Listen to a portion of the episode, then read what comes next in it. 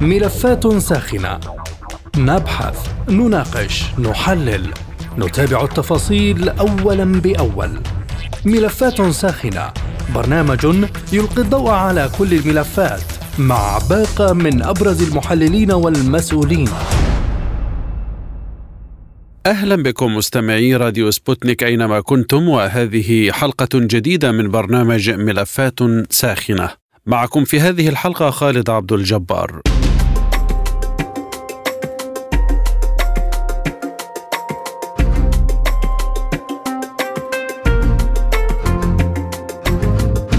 أكد الأمير فيصل بن فرحان وزير الخارجية السعودي أن هناك إجماعا في العالم العربي على أن الوضع الراهن في سوريا غير مجد مضيفا أن علينا إيجاد طريقة لتجاوز الوضع الراهن مع إعطاء الأولوية للوضع الإنساني وهذا يعني التحدث إلى الحكومة. وقال ابن فرحان في مؤتمر بالسفارة السعودية في لندن إنه من السابق لأوانه القول ما إذا كان الرئيس السوري بشار الأسد سيدعى إلى قمة جامعة الدول العربية في الرياض لكنه في الوقت ذاته قال إن التواصل مع دمشق ضروري. كان رئيس البرلمان العراقي محمد الحلبوسي دعا في وقت سابق الدول العربية على كافة المستويات إلى تبني قرار بعودة سوريا إلى محيطها العربي. وقال الحلبوسي خلال كلمته في المؤتمر الرابع والثلاثين للاتحاد البرلماني العربي آن الأوان للبيت العربي أن يوحد الجهود وينبذ الخلافات الجانبية للوقوف أمام التحديات الراهنة دوليا وإقليميا من خلال صياغة استراتيجية شاملة وواقعية تجاه المشكلات العالقة منذ فترة طويلة مشيرا إلى أن سوريا مرت بظروف صعبة إثر الزلزال المدمر الذي أوقع أضرارا بالغة بالأرواح والممتلكات. نتساءل في هذه الحلقة من برنامج ملفات ساخنة إلى ما يؤشر التحول في الموقف السعودي تجاه دمشق. وهل يمهد ذلك لعودة سوريا إلى مقعدها في الجامعة المعلق منذ نوفمبر 2011 وما عوائق ذلك؟ هل هي عربية عربية أم بضغوط خارجية؟ أرحب بضيوف هذه الحلقة من الرياض الدكتور عبد الله العساف الكاتب والمحلل السياسي السعودي ومن دمشق الدكتور عمار الأسد نائب رئيس لجنة العلاقات الخارجية بمجلس الشعب السوري ومن القاهرة الدكتور محمد عز العرب رئيس وحدة الدراسات العربية بمركز الأهرام للدراسات السياسية والاستراتيجية. مرحبا بكم جميعا وأبدأ معك دكتور عبد الله العساف من الرياض وأسألك عن كلام وزير الخارجية السعودي تجاه سوريا هل تراه يعبر عن تحول في الموقف السعودي تجاه دمشق؟ آه، في اعتقادي أنه ما تحدث به الوزير السعودي هو لا يخرج عن واحد من أمرين تحدث أيضا في مؤتمر ميونخ قبل عدة أسابيع عن آه، الحوار مع سوريا والحوار من أجل المساعدات الإنسانية ووصول المساعدات الإنسانية. والأمر الآخر في تقديري وهو عدم إدارة الظهر العربي إلى سوريا. لابد من الانفتاح على النظام السوري والتحاور معه. في تقديري مرة أخرى أنه الموقف لا يعبر عن ليونة سعودية أو عربية تجاه النظام السوري فهو نظام عليه الكثير من المآخذ والملحوظات التي أضرت بالأمن القومي العربي وبالتالي يجب معالجة هذه الأمور قبل الحديث عن عودة سوريا وعودة مقعدها إلى الجامعة العربية.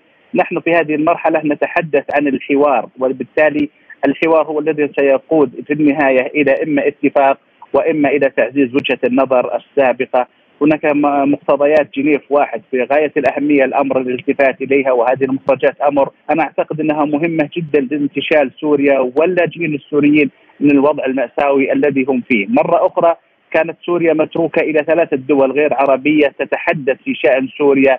من خلال المؤتمرات السابقة في هذه المرحلة يجب أن يكون للجامعة العربية دور فعال وإيجابي في الالتفات إلى سوريا وعودتها إلى الجامعة العربية ولو مؤقتا إذا كان هناك تحسن في الظروف السياسية والمعيشية وانفتاح النظام السوري على الجامعة العربية وعلى الأمن القومي العربي بشكل عام. طيب أنت أشرت إلى أن التحول فقط على صعيد الحوار، إلى أين وصلنا آه، مع الجانب السوري في هذا الحوار؟ أنا أعتقد حتى الآن ما نزال في في المرحلة الأولى بل في المربع رقم صفر حتى الآن من من الحوار ما بين الطرفين. سبقت هناك زيارات عربية من سواء إلى من الإمارات أو زيارة الرئيس السوري إلى إلى عمان. في هذه المرحلة نحن بحاجة إلى الحوار بشكل مباشر دون وسيط بين السعودية وبين وبين النظام السوري، السعودية اليوم هي قائد العالم العربي وهي التي تتحدث بكل صراحة عن الأمن القومي العربي، النظام السوري أخل كثيرا بدخول قوات غير عربية وأنا هنا أتحدث تحديدا عن النظام الإيراني.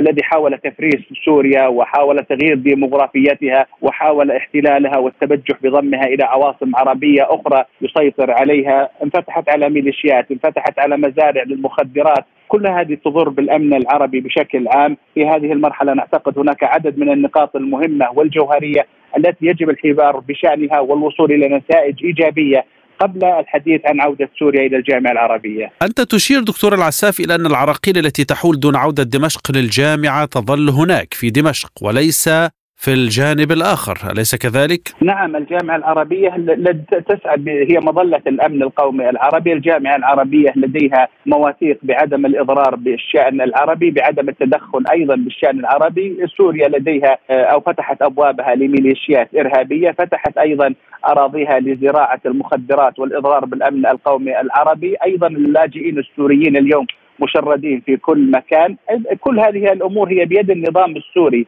هذه ملفات ثقيلة أنا أعتقد يجب النظام السوري أن يعالجها قبل الحديث عن عودته مرة أخرى وإدماجه وإعادة تأهيله في النظام العربي. حضور الرئيس بشار الأسد للقمة العربية القادمة في الرياض دكتور عبد الله، هل هي متوقعة أم مستبعدة من وجهة نظرك؟ أنا أنظر إليها إنها مستبعدة كثيرا. وإن تمت الليونة ربما تحضر آه، يحضر وزير الخارجية السوري في المرحلة القادمة قبل أن يتم الانتقال إلى الحديث بين الزعماء العرب بشكل كامل أو حتى وصول بشار الأسد إلى الرياض. الأمر آه، ليس بهذه السهولة، هناك ملفات ثقيلة جدا يجب بحثها قبل الحديث عن عودة بشار الأسد. أو تطبيع العلاقة مع سوريا. طيب ماذا عن موقف العراق الذي جاء على لسان رئيس البرلمان؟ كيف تتعاطون معه؟ أنا أعتقد إنه مقدر اولا واخرا لكن هذا بمثابة وضع العربه قبل الحصان. فهذا أمر الحقيقة أمر آه، يعيدنا إلى المربع ما قبل ما قبل 2011 أمر غير حق إلى 2011 أمر غير مقبول. يجب قبل إعادة تأهيل النظام السوري وقبل الحديث عن التطبيع يجب حل الإشكاليات. هناك ملفات شائكة وثقيلة. يجب اليوم التوصل إليها. يجب أن تعود سوريا دولة عربية طبيعية ذات ذات حكم عربي أن تمارس سيادتها على الأرض العربية السورية خروج الميليشيات الإرهابية منها الإعلان مرة أخرى عن العودة أو الالتزام بمقررات جنيف واحد الاحتكام إلى القوانين الدولية آه، الإفراج عن السجناء السياسيين وعودة اللاجئين عدم استخدام الإرهاب أو الأسلحة المحرمة دوليا. هناك أمور كثيرة جدا يجب الحديث عنها قبل أن نفكر بعودة سوريا إلى إلى الجامعة العربية ثم نتفاوض مع سوريا على ما نريد. لكن ألا ترى دكتور عبد الله أن حقبة 2011 تم تجاوزها الآن عربيا؟ أنا في اعتقادي أنه لا لم يتم تجاوزها الآن، الأمور اليوم أكثر تعقيدا، ما يحدث اليوم في العالم هو يفرض علينا قبل أن أن, أن نرفع الحجاب عن 2011 أن نصحح الأخطاء. حتى لا تعود مرة أخرى المأساة إلى الشعب العربي السوري أو إلى المنطقة العربية، سوريا بلد عربي مهم في الجامعة العربية، لكن الممارسات التي استخدمت من قبل النظام السوري أضرت بالشعب السوري، أضرت بالجامعة العربية، أضرت بالوحدة العربية، أضرت بالأمن العربي، كل هذه الأمور يجب اليوم سوريا فتحت بالمناسبة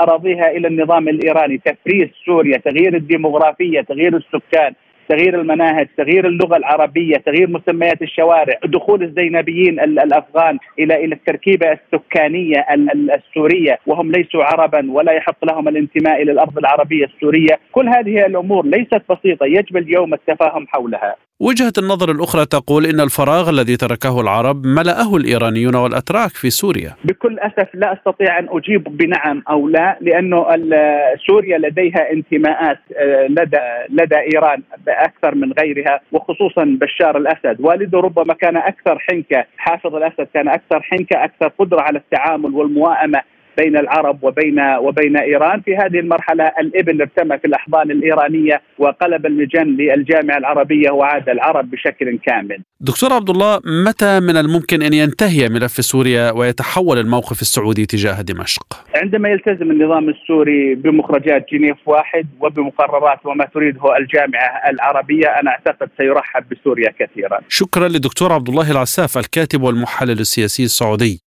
وإلى دمشق أرحب منها مجددا بالدكتور عمار الأسد نائب رئيس لجنة العلاقات الخارجية بمجلس الشعب السوري. دكتور عمار كيف تلقت دمشق اذا الموقف السعودي الأخير بشأن سوريا الذي جاء على لسان وزير الخارجية؟ اولا نحن يعني نحن والإخوة العرب وعلى رأسهم السعوديه نحن تربطنا علاقة قوية جدا جدا جدا وعلى مدى يعني سنوات طويلة يعني منذ 2000 منذ 1970 وحتى ما حدث بسوريا بال 2011 كانت علاقتنا أكثر من جيدة مع الإخوة في السعودية ونحن دائما كنا نحن والسعودية ومصر كنا الرافعه الاساسيه للعمل العربي للتضامن العربي لحل المشاكل العربية لكل ما يمكن أن يعني أن تقدمه هذه المكون أو هذه القوة الكبيرة في العالم العربي سوريا والسعودية وحتى الإخوة في مصر. فأعتقد بأن كل ما يمكن أن يجمعنا يجب أن نبني عليه وكل ما يمكن أن نكون قوة واحدة وأن نكون نحدد البوصلة نحدد العدو. نحدد من يريد الشر لهذه الأمة لهذه الدول العربية. عندها نكون أقوى ونكون يعني مستشرقين النظرة إلى الأمام في كل ما يمكن أن يحصن ويقوي الدول العربية إن كانت السعودية ولا إن كانت دول الخليج وان كانت الأخوة الأشقاء في مصر وإن كان كل الشرق الأوسط تقريبا لذلك العلاقة مع السعودية دائما هي علاقة تكاملية علاقة احترام علاقة محبة. وسوريا دائما وابدا يعني أنا تكلمت سابقا واليوم أعود لأقول أن سوريا دائما وابدا تنظر إلى الأمام. سوريا تتطلع إلى ما يقرب ما, ما يقرب العرب إلى بعضهم، ما يقوي العرب إلى بعضهم، ما أن نكون دائما منسجمين ومتكاملين في كل آرائنا ومواقفنا عبر القضايا. الدولية. وزير الخارجية السعودي قال لابد من التحدث مع الحكومة. إلى أين وصلت المباحثات الثنائية؟ بين سوريا والسعودية؟ يعني اولا يعني رسائل القديمة أو منذ سنوات أو المعطيات من الشيخ أو الأمير محمد بن سلمان كان دائما إيجابية. ونحن دائما ننظر إلى شخص الشيخ محمد أو الأمير محمد بن سلمان وقيادته أو والتطور الجديد في كل النظرة لقضايا المنطقة. ننظرها بإيجابية وبأخوية وبمحبة. كان هناك و يعني لم ينقطع الحوار. حتى على المستوى الأمني كان هناك دائما زيارات أمنية للأشقاء في السعودية. وأعتقد بأن في كل هذا المتغير وفي هذا يعني في هذه الظرف الصعب التي تمر به سوريا بهذا الزلزال الذي اليوم أتى على الحجر والبشر رغم 12 سنة من الحرب ومن الحصار ومن الحرب الأمريكية الغربية على سوريا بقطع كل الإمدادات والمشتقات وحتى وصلوا إلى أدوية المستشفيات. أعتقد أن هذه اللحظة رغم ألمها ورغم صعوبتها فهي فرصة كبيرة لنكون دائما إلى جنب إلى جنب إلى جنبا إلى جنب مع كل الدول العربية. وبعتقد شاهدتم ما تقوم به الإمارات ما قام به الشعب العراقي والحكومة العراقية ما شاهد ما قامت به الجزائر وأهل الجزائر وحكومة الجزائر ومصر الشقيقة وزيارة وزير خارجية المصري والتضامن الكبير الذي رأيناه من الدول العربية يعني أعتقد بأن فرصة رغم كما قلت ألمها أن تكون دائما وأبدا أن نكون إلى جانب بعض ودائما وأبدا النوائب لا تقف عند بلد هناك النوائب ممكن أن تصيب أي بلد لا سمح الله يعني. فأعتقد بأننا عندما نكون دائما إلى جانب بعض نكون أقوى ونكون فاعلين أكثر. طيب أنت لم تنفي هنا دكتور عمار وجود مباحثات ثنائية بين الدولتين. هل هذه المباحثات تطرقت إلى مسألة عودة سوريا إلى مقعدها في الجامعة؟ أولا سيدي نحن عندما نكون يعني الجامعة العربية ماذا تمثل؟ هي تمثل كل الدول العربية. وعندما يكون هناك تواصل واتصال وزيارات لوزراء خارجية إلى دمشق فأعتقد يعني هي هي يعني هي الفاعلة وهي الأهم يعني. أما كمنصب أو كشيء شكلي سوريا دائما قلت دائما سوريا لا تنظر إلى الخلف. عندما يكون هناك العلاقات طيبة تبقى يعني إعادة العودة إلى الجامعة العربية ولا نقول عودة سوريا لم تخرج من الجامعة العربية صديقي لم تخرج. هم هم من علقوا آه، وعلى رأسهم قطر. هي من ساعدت وساهمت في رفع هذا في في يعني في أخذ هذا الخيار الأمريكي الغربي ليكون هناك تعليق لعضوية الجامعة العربية نوع من الضغط نوع من الاستبعاد لتمرير المؤامرة الكبيرة التي تحدثنا عنها سابقا وأعتقد بأن يعني سوريا عندما تعود إلى تعود ترفع هذا التعليق إلى جامعة الدول العربية أو إلى مقعد الجامعة العربية. هي قوة للعرب. هي آه، يعني هي رافعة للموقف العربي على المستوى العالمي، سوريا تتمتع بعلاقات كبيرة رغم كل من اعتقد أنه سيعزل سوريا، تتمتع بعلاقات كبيرة من آه، من أشقائنا العرب وصولا إلى أمريكا اللاتينية، وصولا إلى الصين، وصولا إلى كوريا، وصولا كثير من الدول التي التي هي على علاقة وعلاقة جيدة مع سوريا. وتحترم سوريا وتحترم وحدة أراضي السوري وتحترم خيار الشعب السوري، يعني هذه هذا الأمر أعتقد كما قلت لك عندما تكون هناك علاقات طيبة بيننا وبين كل جيراننا وبين كل الإخوة العرب أه ولن ننسى الأردن. يعني كي لا ننسى أحد، أيضا موقف الأردن المشرف والشكر للقيادي والحكومة في الأردن، أيضا وزير الخارجيه الاردني أتى إلى سوريا. هناك زيارة للسيد الرئيس بشار الأسد إلى سلطنة عمان إلى الإمارات إلى يعني هناك حراك عربي كما قلت لك سوريا فاعلة ولها دور محوري يمكن أن تساعد في كثير من القضايا. لسنا في وارد تعداد في كثير من القضايا على المستوى العربي إن كانت تخدم الإخوة في السعودية وإن كانت تخدم التقارب العربي مع الإخوة مع الأصدقاء في إيران وإن كانت تخدم المنطقة كلها بعلاقتها مع الحلفاء في روسيا ولا في الصين ولا في كوريا. يعني سوريا لاعب مهم ولاعب محوري وأعتقد يعني العلاقة بيننا وبين كل الإخوة العرب بغض النظر عن التفاصيل إن كانت جامعة عربية أو مؤتمر برلماني عربي أو لقاء عربي كل هذه الحراك كله يصب في خانة الدول العربية جميعا وفي خانة سوريا. يعني عندما يكون هناك هذا التقارب بيننا وبين الإخوة في السعودية ولا في في في الإمارات ولا في الأردن ولا في كل الدول التي هي وقفت بكل محبه واخوه مع الشعب السوري وهو يسمن الشعب السوري هذا الموقف الذي وقفوا وأيضا الإخوة في السعودية أرسلوا أيضا المساعدات. فأعتقد بأننا عندما يكون هناك هذا المناخ ال ال الإيجابي هو ينعكس بشكل جيد على كل الدول العربية، هناك قضايا كثيرة كما قلت لك لا يمكن أن ندخل فيها ولكن تخدم الإخوة في في السعودية وتخدم سوريا وتخدم الأردن وتخدم كل المناطق الدول الموجودة في المنطقة ابن فرحان أكد أنه من السابق لأوانه القول ما إذا كان الرئيس السوري بشار الأسد سيدعى إلى قمة جامعة الدول العربية في الرياض. هل لديك معلومات بهذا الشأن؟ صديقي أنا كما قلت لك لا, لا تدخل في التفاصيل. دعونا نرى الأمور بالخطوط العريضة. التفاصيل تأتي تباعا. ليس هناك من يعني من من من يعني من نقاش آه، أو بالأحرى من آه، جلسات يعني قوامها أن أن يكون هناك كذا أو كذا أو إذا لم يحدث كذا. لا لا ابدا. نحن اليوم نتحدث على ملف كبير في الشرق الأوسط صديقي. كما قلت لك لا ندخل في التفاصيل. هناك ملف كبير في الشرق الأوسط. هناك قضايا كثيرة. يعني أنت تعلم قضايا التقارب العربي الإيراني آه، مسألة اليمن مسألة القضية الفلسطينية الأساسية مسألة يعني هناك قضايا كثيرة مهمة. وكما قلت لك سوريا لاعب مؤثر وفاعل لما فيه مصلحتها. ومصلحه الإخوة في العرب. يعني نحن اليوم لم نكن دا ولا في تاريخنا في قضية ضد ضد ضد أي دولة عربية، في تاريخ السياسة السوري لم نأخذ أو نكون لا في مجلس الأمن ولا في الجمعية العمومية ولا في أي منتدى أو أو أو مؤتمر على مستوى العالم في قضية تخص الدول العربية لأي دولة عربية إلا وكنا إلى جانبها، يعني يعني اليوم أنا أقول لك بأن دائما وابدا نحن نشعر بأننا يعني كما قيل قلب العروبة النابض. سوريا قلب العروبة النابض. سوريا منفتحة سوريا صديقة. يعني عندما قابل سيادة الرئيس أغلب الدول أو, أو أغلب الوفود التي أتت إلى سوريا. هناك من يعارض سوريا في هذه الدول. كان يقول لهم سلموا على كل من معنا ومن يعتقد أنه ليس معنا. يعني أكثر من هكذا تسامح أكثر من هكذا محبة أكثر من هكذا انفتاح ونظرة إلى الأمام لا أعتقد. طيب دكتور عمار أسألك السؤال بشكل آخر وأرجو الإجابة بوضوح. ما هي العراقيل التي تحول دون عودة سوريا إلى الجامعة العربية.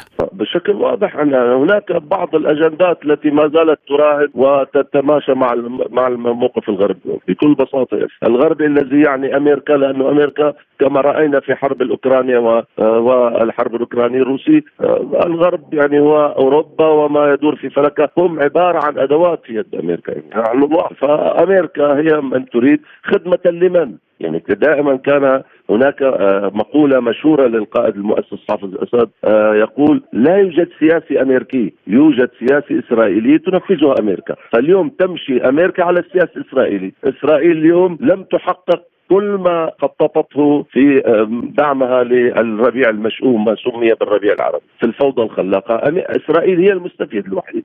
يعني نحن قلت لك سنة يعني لنبحث في الخطوط العريضة. إسرائيل عندما أعلنت يهودية دولة إسرائيل ذهبت إلى الدول العربية لتقسيم المقسم وتسجيل المجزأ. ومعروف هذا هو الامريكي هو من يقولها. وكبار آه، المفكرين والأدباء وحتى الصحفيين يكتبون عن المؤامرة الكبيرة التي حيكت للمنطقة ووقفت عن سوريا، سوريا دافعت، سوريا صمدت، سوريا أسقطت هذه المؤامرة التي كانت ستطال صدقني كل الدول العربيه، كل وصولا إلى تركيا وصولا إلى روسيا إلى حدود روسيا، إذا لم نقل روسيا، فلذلك أنا أقول لك الذي يتماشى مع السياسة الغربيه ويعارض يعارض بالمطلق. عندما يشكل وفد معارضة ما يسمى معارضة؟ اثنين لامريكا واثنين للسعوديه آه، عفوا اثنين لتركيا وثلاثة لفرنسا وأربعة لبريطانيا يعني يعني الجواب عندك ما شكرا لك دكتور عمار الأسد نائب رئيس لجنة العلاقات الخارجية بمجلس الشعب السوري. ومن القاهرة أرحب بالدكتور محمد عز العرب رئيس وحدة الدراسات العربية بمركز الأهرام للدراسات السياسية والاستراتيجية دكتور محمد كلام آه، وزير الخارجية السعودية عن سوريا هل يعبر عن تحول في موقف السعودية تجاه دمشق؟ آه، هناك تحول نسبي في الموقف السعودي تجاه النظام السوري آه، لعدد من الاعتبارات الاعتبار الأول أن هناك محاولات للتهدئة في سلوك السياسة الخارجية السعودية تجاه معظم القضايا الإقليمية. وهو برز في حالة الأزمة في اليمن في حالة الأزمة في لبنان. وطبيعي كذلك في الحالة في الأزمة في العراق والأزمة في سوريا. وبالتالي جزء يرتبط بالتوجه العام الرامي إلى التهدئة في التفاعلات الإقليمية للسياسة الخارجية السعودية. النقطة الثانية يرتبط بمحاولة تعزيز صورة الأنسنة للسياسة الخارجية السعودية خاصة في مرحلة ما بعد مآسي الزلزال وارتداداته على سوريا وعلى تركيا أيضا بما يعزز الصورة الخارجية للمملكة العربية السعودية كدولة تحرص على تبييض صورتها وتحسين صورتها آه، بعد سنوات كان هناك تورط للسعودية آه، في بعض الشؤون الإقليمية الصراعية. هناك اعتبار ثالث يرتبط بالمكاسب التي استطاع أن يحققها آه، النظام السوري والجيش النظام السوري في مواجهة خصومه سواء كانت آه، معارضة سورية مسلحة أو تنظيمات إرهابية أو جماعات آه، متطرفة تقديرات معهد الحرب الأمريكي تشير إلى أن النظام السوري استطاع أن يستعيد حوالي ثلثي الأراضي السورية حينما حدث ذلك بدعم الروسي والدعم الأوراني بشكل كبير. هناك أيضا آه، اعتبار آه، رابع آه، وهو يخص أن هناك محاولة من جانب السعودية لعدم السير في سلوك معاكس للتوجهات العربية، وهنا نشير إلى أن هناك موجة انفتاح عربي برزت منذ عدة سنوات وتكل وتزايدت ما بعد زلزال المدمر 6 فبراير. حينما نشير أن علاقة الإمارات آه، علاقة البحرين علاقة سلطنة عمان علاقة مصر بالأسد علاقة الجزائر علاقة العراق. وبالتالي هناك تحسن نسبي في الانفتاح العربي.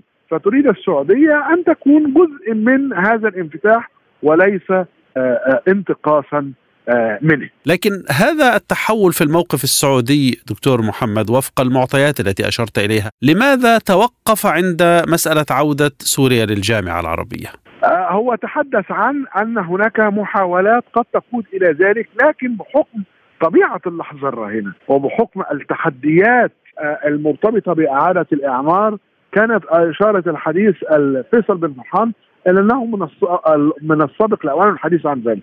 لا سيما وأن هناك مواقف لدول عربية أخرى لا زالت تتخذ موقفا مناوئا تجاه نظام الاسد وأعني بها موقف كل من قطر والكويت. آه، قطر مفهومة إن موقفها آه، عامل إزاي واعتراضها للسلوك السوري تجاه ما تسميه المعارضة الانتقالية أو المعارضة السورية على مدى سنوات أو تجاه الشعب السوري آه لكن هناك أيضا موقف الكويت الذي عبر عنه وزير الخارجية في مؤتمر ميونخ بأنها بأن الكويت لا تريد آه مجاراه موجة الانفتاح العربي تجاه النظام السوري وبالتالي هناك آه آه بعض الدول العربية لا تزال تتخذ موقفا مناوئا. النقطة الثانية ربما تستخدم السعودية هذا الوضع كمدخل لعلاقات أيضا مع إيران لأنه موضوع العلاقة مع النظام السوري هو جزء من باكج مرتبط بالمحادثات التي تجرى ما بين السعودية والإيران للتهدئة في بعض الملفات الساخنة ومنها الملف اليمني قد يقوم بعد ذلك الملف السوري. النقطة الثالثة أن لا زال هناك يعني متسع من الوقت لأن القمة العربية المقبلة سوف توقف في العاصمة السعودية الرياض وبالتالي سوف تكون تلك القضية مطروحة على أجندة المندوبين الدائمين عن أجندة وزراء الخارجية خلال الفترة المقبلة بشكل كبير. يعني أنت تستبعد حضور الرئيس بشار الأسد لقمة الرياض القادمة؟ شوف أنا ما أقدرش مسألة حضوره أم عدمه. خلينا نتحدث. المسألة الأولى هو مسألة استعادة سوريا لمقعدها الذي فقدته في نوفمبر 2011 لكن ممكن الحضور صعب لكنه ليس مستحيل. يعني حضرتك لما شفت زيارة بشار الأسد لدولة الإمارات في العام الماضي ثم زيارة بشار الأسد لسلطنة عمان خلال الشهر الماضي. وبالتالي ليس هناك شيئا مستحيلا في عالم السياسة التي تتعرض لتغيرات كبيرة. من كان يرى أن الرئيس السيسي سوف يذهب إلى قطر في لحظة من اللحظات. من كان يتوقع أن يكون الرئيس السيسي يحضر افتتاح كأس العالم بالدوحة وكذلك الحال بالنسبة لسلامه مع الرئيس التركي رجب طيب أردوغان. وبالتالي عالم التفاعلات الإقليمية يشير إلى تحولات سائلة متعددة وفي اتجاهات مختلفة. قد تكون من ضمن التفاعلات هو تحقيق مكسب بعودة سوريا لمجلس لمقعدها في الجامعة العربية خاصة وأن الجزائر التي استضافت القمة العام الماضي كانت تراهن على ذلك طيب دكتور عز العرب المسألة هنا مسألة عودة سوريا لمقعدها في الجامعة أمر عربي عربي فقط أم أنه بضغوط خارجية؟ جزء منها مرتبط بالبيت العربي جزء منها خارج الجزء الخارجي مرتبط على ضغوط الأطراف الدولية وتحديدا الولايات المتحدة وبعض الدول الأوروبية اللي هي بتعترض على مسألة تخفيف الضغوط حتى على نظام الأسد ومسألة إدخال المساعدات الإنسانية والتطبيع المجاني من الدول العربية تجاهي لكن الدول العربية لديها أيضا القدرة على امتصاص تلك الضغوط والتعامل معها. بأشكال وأساليب مختلفة. دكتور محمد متى ينتهي الكلام على الملف السوري ونتجاوزه كما تم تجاوز حقبة 2011 بشكل عام؟ حينما تتوال تكون هناك إرادة وقدرة أيضا من النظام السوري تقديم بعض ال ال الأفكار اللي من شأنها تهدئة الداخل بدرجه وبالتالي المسألة الانتهاء اولا في جزء مرتبط بالدول العربية باعتبارها هي العاكسه لإرادة الجامعة العربية مع بعض القوى السياسية السورية المعارضة في الخارج والتي يمكن أن تكون جزء من تفاعلات عملية انتقالية داخل سوريا تجعلها أن تخاصم حقبة ما بعد 2011 والدخول إلى سوريا الجديدة التي تحتاج إلى الإعمار والمصالحة وتناسي المآسي التي جرت خلال ما يزيد عن حقبة عقد كامل وعامي. شكرا لك الدكتور محمد عز العرب رئيس وحدة الدراسات العربية بمركز الأهرام للدراسات السياسية والاستراتيجية. وشكرا لكم مستمعين الكرام. للمزيد زوروا سبوتنيك دوت اي اي إلى اللقاء. مستمعينا بهذا نصل وإياكم إلى نهاية هذه الحلقة من برنامج ملفات ساخنة. طابت أوقاتكم وإلى اللقاء.